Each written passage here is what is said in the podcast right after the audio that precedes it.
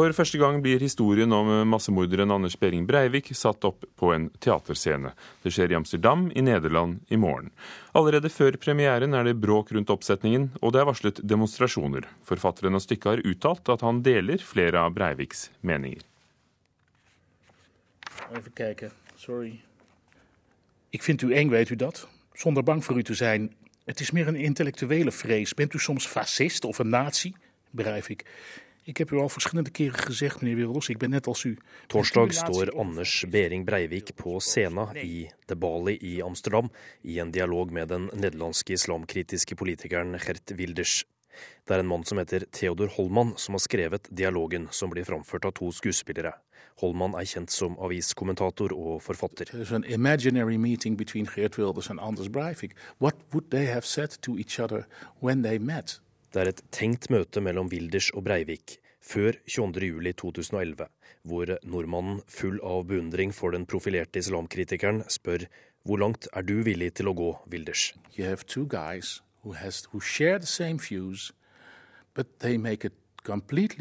Different and analysis, you could say, about what to do, how to react on om Wilders har markert avsky mot terrorhandlingene i Norge og mannen som sto bak, mener Holman at de to står for det samme politisk.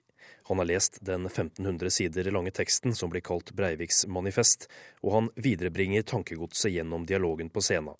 Han mener til og med at det er viktig å lese teksten for å forstå massedrapsmannens fantasiverden. So you have to do that. Maybe he's a complete lunatic. I think he is a complete lunatic, but still you have to, to reckon with his ideas. It's the stuff that fantasy world of Breivik is made of. Theodor Holman var etter eget utsagn bestekompis med Theo van Gogh, filmskaperen som ble drept på åpen gate av en islamist i Amsterdam i 2004. Theo van Gogh was my best friend when he was killed, and I wrote two books about it. So Nå er det Holman det stormer rundt. I likhet med van Gogh er han en islamkritiker og ikke redd for å provosere. I et par avisintervjuer de siste dagene har han sagt at han føler seg politisk beslekta med Anders Behring Breivik. So I have no for him at all. But I understand, which is quite a different thing, some of his ideas. That not all, for me, not all his views are crazy. It are the same views that Theo van Gogh and I had. Og det har skapt avisoverskrifter. En gruppe har også trua med demonstrasjoner utafor teatret ved premieren på torsdag.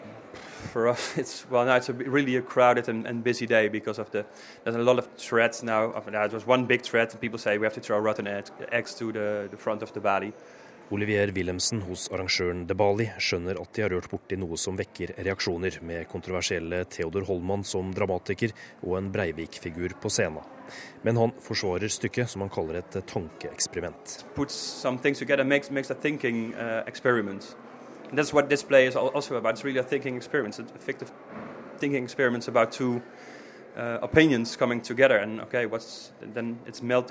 Will melt, or will they just leave and say goodbye and never see each other again? So that's uh, for us, it's really an experiment. Theodor Holman er tilsynelatende ikke redd for reaksjonene. I'm not against demonstrations. If people hate me, well, just hate me, and um, we'll see. What can I do?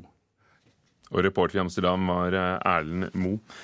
Anders Ravik Djupskås, du er stipendiat ved Institutt for statsvitenskap ved Universitetet i Oslo. Har bodd i Nederland og skriver på en bok om høyreekstremismen i Europa.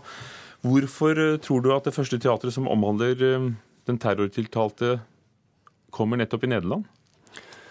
Nederland har nok fått en posisjon på det på en måte, høyrepopulistiske kartet de siste, som er litt unikt da, de siste ti årene. Særlig er det da både skal du si, eh, terrorangrepet i New York, som kom rett før denne islamskeptiske Pim Fortuyn vant valget i Nederland i 2002, hvor han fikk en veldig stor oppslutning, ble nest største partiet, og drapet på Theo van Gogh i 2004.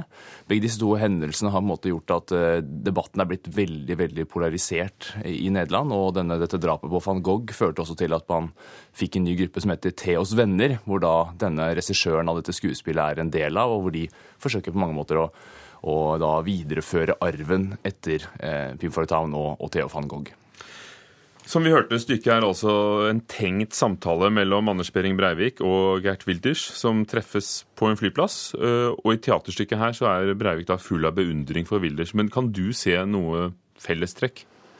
Ja, Det er jo ikke så overraskende at denne regissøren har funnet ut dette, altså denne koblingen mellom Willers og Breivik. Det sies også eksplisitt av Breivik selv i manifestet, hvor han har et intervju med seg selv mot, uh, mot slutten, hvor han da uh, spør seg selv på en måte, er det noen personer jeg har lyst til å møte.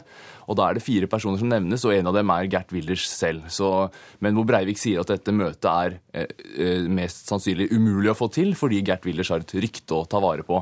Men nå får altså da muligheten til å få dette møtet mellom disse to gjennom dette skuespillet til til Holdman. Så, og likheten er selvfølgelig at de er svært islamskeptiske begge to. De hater islam, som de opplever som en politisk ideologi og ikke som en religion. Og de er da begge fylt av denne måte, demografiske argumentasjonen, hvor da de mener at eh, Europa sakte, men sikkert blir islamisert, og at eh, muslimene vokser i antall, og at de kommer til å ta over og dominere Europa, og at vi får da til slutt et eh, Eurabia istedenfor et eh, Europa.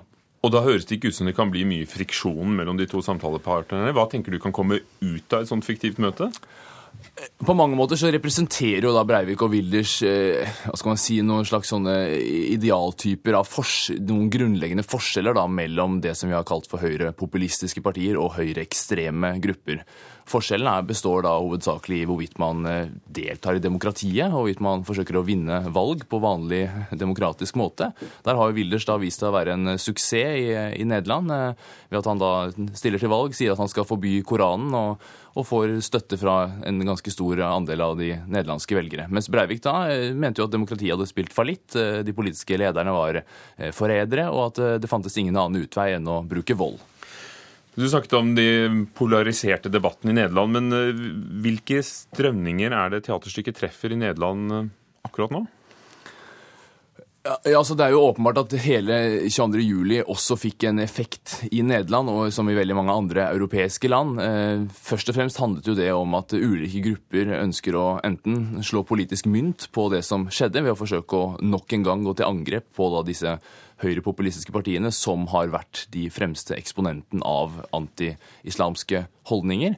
Eh, men det har nok også vært da, eh, selvfølgelig fra høyrepopulistisk hold et ønske om å distansere seg mest mulig. Og slik jeg tolker dette stykket nå, ser det ut som da, eh, da Theos, en av Theos venner, en av Theo van Gogh sine venner, og forsøker på en måte å komme eh, de andre i forkjøpet da, ved å på en måte lage et stykke selv, hvor han får muligheten da til å definere eh, hvilke forskjeller som er verdt å, å huske på når man da gjør denne sammenligningen mellom Wilders og Breivik. Og de andre er da Venstresiden? Ja, man kan jo tenke seg, man ser jo da det har vært andre land, Danmark f.eks., hvor da venstresiden har eh, aktører har forsøkt å også lage skuespill. Og, og, det kommer nok til å bli flere eksempler på kunstnere som forsøker å utnytte da denne hendelsen til å på en måte eh, forsøke å stigmatisere og stemple det de mener da er rasistiske strømninger på høyresiden. Takk skal du ha, Anders Ravik Djupskås ved Universitetet i Oslo. Store mengder digitalt materiale fra terrordøgnet 22.07. i fjor skal sorteres for å få en oversikt over hva som skjedde minutt for minutt. Og det er en gruppe mediestudenter og flere fagpersoner som har fått arbeidet med å plassere twittermeldinger, bilder og blogginnlegg i en såkalt tidslinje. NRK har tidligere samlet inn 230 000 twittermeldinger som ble sendt i forbindelse med terrordøgnet. Det er en eh, tidligere nyhetsredaktør i Dagbladet som står bak prosjektet og har fått en halv million kroner i støtte fra stiftelsen Fritt Ord. Og I går ble det kjent hvem som får verdens største barne- og ungdomslitteraturpris, Alma-prisen, for i år. Det blir den nederlandske forfatteren Gus Kuier. Det er den svenske staten som gir prisen til ære for Astrid Lindgren. Og den er på fem millioner svenske kroner, 4,3 millioner norske. Juryen sier at Kuier skriver med stor respekt for barna, og han har klart å skrive om de store livsspørsmålene på en forståelig måte for barn og unge, og prisen har vært gitt siden 2002. Elever fra kulturskolen er blitt attraktive også for profesjonelle forestillinger og teatre. De unge talentene trekker nye publikummere til både konserter og teatre, og på Den nasjonale scenen i Bergen spiller 24 barn i forestillingen Ulverock.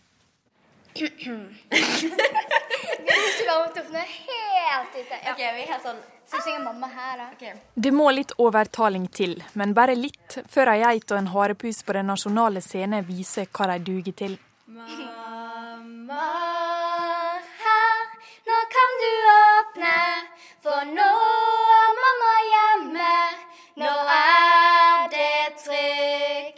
Ida Elvik og Charlotte Schreiber Hjortland har musikal som fordyping på Bergen kulturskole.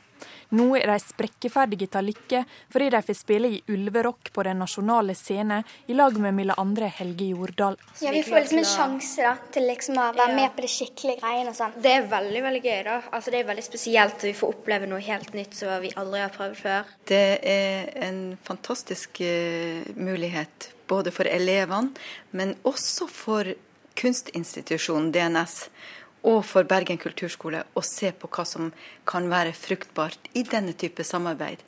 Og det ligger masse læring i det. Det sier Kristin Geiring, fagsjef for teater ved kulturskolen. 24 barn bytter på 12 roller i Ulverock. Dette er det første store samarbeidsprosjektet de har hatt med institusjonsteateret. De skal stå for kvalitet, de skal levere kvalitet, og de er avhengig av det. Så jeg kan tenke at eh, det er kanskje en hovedårsak til at vi ikke har kommet i gang før nå. De tilfører noe helt unikt til forestillingen. Også kulturskoler i flere andre norske byer opplever at store kulturinstitusjoner er interessert i samarbeid. Kulturskolerektor i Bergen, Mardon Aavitsland, forteller om samarbeid med bl.a. Festspillene og Bergen Filharmoniske Orkester. Og interessen er økende. Ja, vi opplever at det er en økende interesse for dette i, i, samfunnet generelt. Og det kan ha sammenheng med at uh, flere kulturinstitusjoner lager familieproduksjoner. Altså det skal skapes mer kunstformidling eh, for barn og ungdom og familier. Så jeg tror kanskje vi har blitt dyktigere til å samarbeide med profesjonelle institusjoner. Og samtidig så er det et økende marked og en økende interesse for dette. De kjøper på en måte billetter for å se på oss. Barna er med på å trekke nye publikummere til teater og konsertsaler. Her er det god publikumsutvikling. Hver elev bringer med seg eh, sin familie, foreldre, besteforeldre, onkler og tanter og naboer og, og venner og slektninger.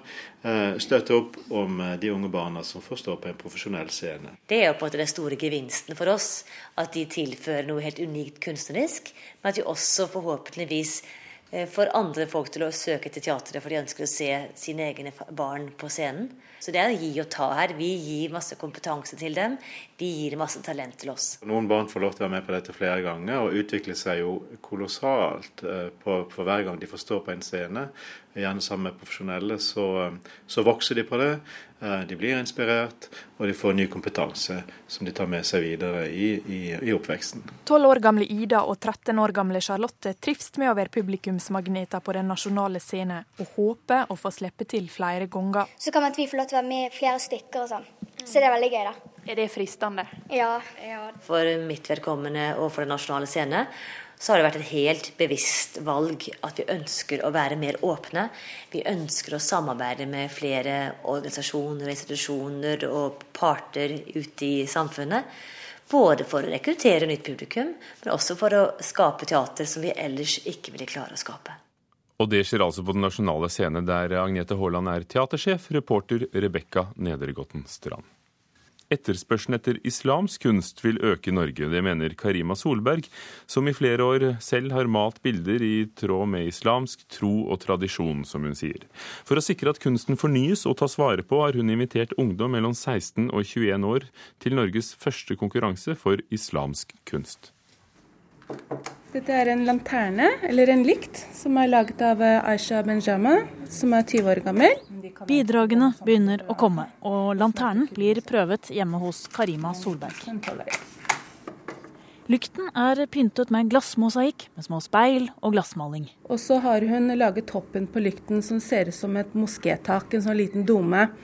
Og så har hun pyntet taket på lykten med et, eh, en sånn liten bønn, da hvor man ber Gud om å få lys. Det er en bønn som muslimene sier på vei til moskeen. Så passer veldig godt denne bønnen med lykten. Ungdommene som bidrar i denne konkurransen, må forholde seg til islams forbud mot å avbilde mennesker, dyr og engler. Kanarifuglene som flyr kvitrende rundt i stuen til Karima Solberg, kunne f.eks. ikke vært med her. Nei, ikke denne konkurransen. Så, så fuglene Jeg har laget en sånn fotomontasje hvor jeg har fotografert fuglene mine fly rundt i stua og fly forbi kunsten min og sånn. Så det, så det er greit. Men også å, å sette en begrensning eh, fremmer også kreativitet. For det betyr at du må tenke mer på hva kan du gjøre på de andre områdene. Jeg har brukt eh, mye rart. 18 år gamle Camilla Sadol har laget en modell av en moské. Det her er eh, dopapirrull. Camilla går i andre klasse på videregående og lurer eh, akkurat nå på om hun skal studere design eller islam videre. Etter å ha snust eh, forsiktig på moskéarkitektur, syns hun at religionen hennes gir et ganske godt kunstnerisk spillerom. Jeg kan gjøre ganske mye. Det er jo ganske fargerikt inne i moskeer, i de fleste ordentlige moskeer. Så jeg kunne jo tenkt å bruke masse rart her. Islam handler bare nesten om farger. Det er så fargerikt og livlig. Det er mer religiøst. Det er en del av hverdagen min, på en måte. Camilla har gått med sjal i ett år. Hun forteller at hun har blitt mer muslimsk enn hun var før, og tror i likhet med Karima Solberg at det bare blir mer behov for islamsk kunst i fremtiden, og for flere som kjenner til denne kunstens teknikker og historie. Den moderne verden har på en måte masseproduksjon og alt dette her, har på en måte fortrengt mye av det gamle håndverket, som var, veldig, eh, var av veldig god kvalitet. Og disse ferdighetene er da i ferd med å bli borte, fordi at eh, folk har jo ikke tid til å drive på med sånne ting lenger. ikke sant? Kjøpe ferdigpakker. Men, men, islamsk kunst i Norge er jo veldig nytt. Er det norske muslimers oppgave å ivareta det tradisjonelle? Er det ikke her eventuelt fornyelse skal foregå? Jo, jeg har jo også med det at jeg ser det gjerne i nye, moderne uttrykk. At man videreutvikler, at man bygger videre. Eh, det er jo det som er spennende, er jo å videreutvikle. Så jeg, ønsker, eh, jeg ønsker rett og slett at uh, islamske kunstarter skal leve videre. Og da må jeg satse på ungdommen, for det er jo de som skal eventuelt føre det videre, da. Sa Karima Solberg, som altså har tatt initiativet til Norges første konkurranse i islamsk kunst, til reporter Pernille Amdal. Det nærmer seg påske, og dette særnorske fenomenet påskekrim kommer nok over oss i år også.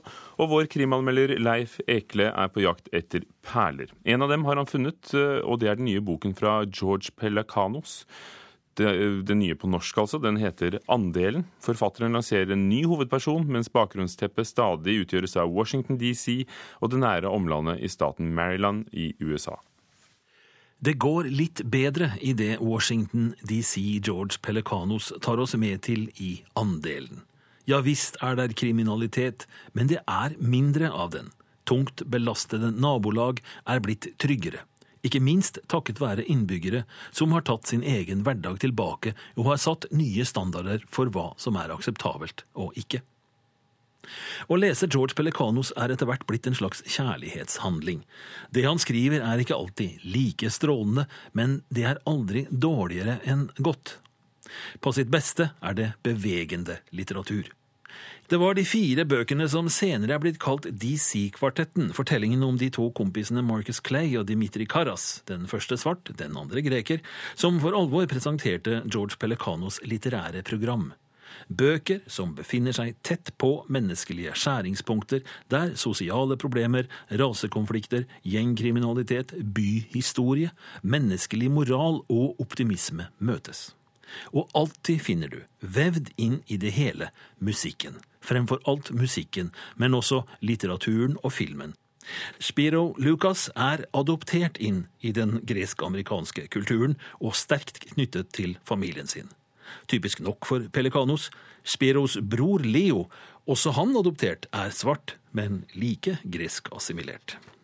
Spiro er nær 30. De viktigste voksne ungdomsårene tilbrakte han som US Marines-soldat i Irak. Spiro har overlevd fysisk og psykisk. Han er trygg i seg selv, men er like fullt merket. Mer eller mindre tilfeldig har Spiro funnet ut at han er god til å finne igjen ting for folk, helst verdifulle ting som er stjålet. Han starter en liten enmannsbedrift der han i tillegg til etterforskerjobber for en advokat, mot 40% av verdien skaffer tyvegods tilbake. Det er slik han trekkes inn i jakten på noen solide og svært verdifulle pakker med marihuana, som stjeles fra noen langere som er akkurat så fredelige og sympatiske at Spiro vil ta jobben. Dette ville ikke vært George Pelicanos hvis Spiro Lucas ikke var en helstøpt og sammensatt figur, historie, sår og brister inkludert. Som så ofte før spiller forholdet mellom fedre og sønner avgjørende roller sammen med moral satt på prøve. Pelekanos moraliserer ikke i sine bøker. Han prøver moralen ut, tester den på reelle situasjoner. Slikt blir det kompromisser av, men også viktige og interessante bøker. George Pelecanos er en forfatter som gjerne viser sin kjærlighet til menneskene og tror på dem. Også andelen er sitt eget særpregede soundtrack. Jeg trenger ikke si at andelen også er ei spennende bok leseren må ha slutten på. At den er godt oversatt av Rune Lars Duvold, er imidlertid greit å ta med. Leif Ekle om Pelikanos Andelen og en utvidet versjon av anmeldelsen kan du også finne på nrk.no. I dag er det verdens poesidag, en offisiell FN-dag som er blitt markert eh, siden 1999. Og på denne dagen åpner Deichmanske bibliotek i Oslo en diktheis som har fått det noe mer poetiske navnet Den lyriske elevator. Du kommer deg jo ikke ut før du er framme, så da er du pent nødt til å lytte til diktene. Der luften er tynnest, skjer alt i en annen hastighet. Vi avdramatiseres, som noe en tekst kan drømme om. Det er første gang Hans Petter Blad kjører heisen, der hans eget dikt skal begeistre heispassasjerer mellom første og tredje etasje på Deichmanske bibliotek. Med på turen er initiativtaker og bibliotekar Oddvar Thorsen. Diktet har de tilpasset heisturens lengde. Vi har klippa de sånn at de er ti, rundt ti sekunder. og det er, eh, Jeg sto lenge her med stoppeklokke og kjørte heis eh, i høst og prøvde å liksom finne ut hva er den minste tenkelige heisturen. Og da landa vi på ca. 10-11 sekunder. Én etasje er på 10-11 sekunder, rett og slett? Ja. Og den minste da, delen av diktet er da én etasje, kan du si. Skyer deiser over nakne fjellvegger, raser mot bakken. Boken åpnes, horisonten skimtes tragisk i dalførene. Det gode gjør endelig vondt. Men Hva tenker du om å bli heislyriker, da? Er ikke det litt sånn sett ned på det med heismusikk og sånn? Det er en smal sjanger, da. Ja. det som vel slo meg først og fremst, var vel at det har blitt en ganske sånn vakker liten installasjon. Den har kanskje noe sånn overraskende og rørende ved seg, muligens. Og diktet som sådan er jo vanskelig å forholde seg til selvfølgelig når man har skrevet det. Men selv som, som, ja, som, vanlig, som vanlig, borger, da, så er jeg ikke noe spesielt glad i å bli pådyttet kunst, jeg heller. Sånn at det må være et sted der hvor det føles logisk og mulig. Og det opplever jeg at det er en heis på Deichman. Da kan man leve med å få presentert et dikt, tror jeg. Ideen til lyrikkheisen fikk bibliotekar Oddvar i en periode da heisen ofte var ute av drift. Denne heisen her, den har en historie om å være litt vanskelig å ha med å gjøre. Den har ofte stått stille. Eh, vi har reparert den nå, da, så det er ikke noe fare for at vi skal bli sittende fast her i dag. Det begynte jo med frykten kanskje for å bli sittende fast i heisen i lengre tid uten noen distraksjoner. Den vanlige distraksjonen er jo et speil. At man, at man, det er jo det som pleier å være en heis. Men er, hvis du er flere, så, så, må du bare stå der rett og slett da, og være veldig nær andre. og det er en litt sånn underlig, litt sånn klam situasjon. De blir flere. Ikke for mange, håper jeg. Hvor skal, hvor skal dere? Det står jo et visst antall personer og kilo. Pensjonistene Even og Aksel skal på foredrag på Deichmanske. De tar seg tid til en liten tur med heisen. Tolstoy vokser i graven, Standal skildrer i døden i Napoleons fotspor. Et sted i Danmark er hver bokstav en stige, fast grunn, gjenstanden uten skygge. De synes heisturen er verken påtrengende eller klein. Ja, dette var hyggelig. Hyggeligere enn noensinne en heistur kan være. Dette var bra. Nå kan vi ettergå på det, kan vi ta heisen med. Flere ganger om dagen. Og den lyriske elevatoren Dick Theisen kan prøves på Deichmanske hovedbibliotek i Oslo fra klokken syv i kveld, og blir en fast installasjon på biblioteket fremover. Reporter var Ina Charlotte Fjellhøy. Vi tar med at Alf Hildrum ser det som sin viktigste oppgave å få flere seere. Det sier han til Dagens Næringsliv i dag. Han har sagt ja til å sitte to år til som TV 2-sjef. Han tiltrådte som sjef i 2007, og vil altså sitte til tolv dager etter sin pensjonsalder på 67 år i 2015.